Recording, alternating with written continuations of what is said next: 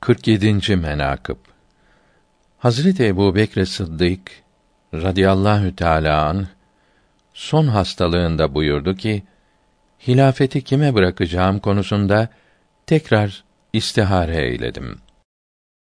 Allahü Teala'dan diledim ki bana rızasına uygun olanı versin. Bilirsiniz, yalan söylemem.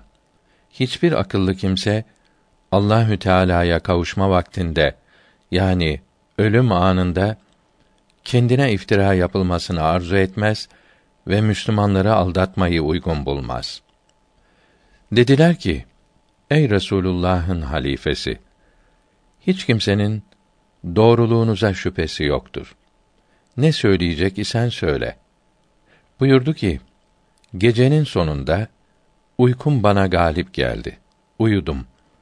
Resul-i Ekrem Hazretlerini gördüm. İki beyaz kaftan giymiş. O kaftanların etrafını, eteklerini ben tutuyordum. Ne zaman ki o iki kaftan yeşil olmaya ve parlamaya başladı, şöyle ki bakanların gözlerini alırdı. Resulullah Hazretlerinin iki tarafında iki uzun boylu kimse vardı. Gayet güzel yüzlüydiler. Elbiseleri nur gibi ve bakanlara sürur verirdi. Hazreti Resul Ekrem bana selam verip benimle müsafaha ederek şereflendirdi. Mübarek elini benim göğsüme koydu. Bende olan ızdırap geçti. Dedi ki: Ey Ebu Bekr, sana kavuşma arzumuz artmıştır. Vakti geldi ki bizden yana gelesin. Ben uyku içinde o kadar ağlamışım ki ehlim haberdar olmuşlar. Bana sonra haber verdiler. Ben de dedim, ben de sizi özledim ya Resulallah.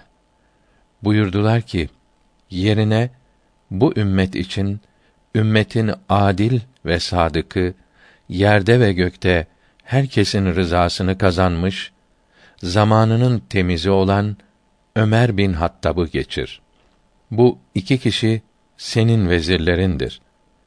Dünyada yardımcılarındır. Vefatın zamanında yardımcılarındır. Cennette komşularındır.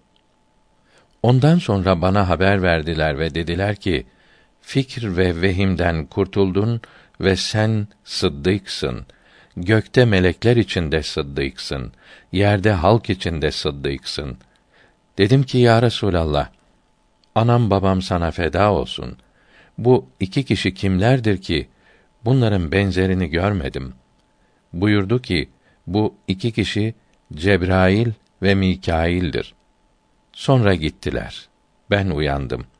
Yüzüm göz yaşından ıslanmış. Aile efradım başımın ucunda ağlaşırlardı.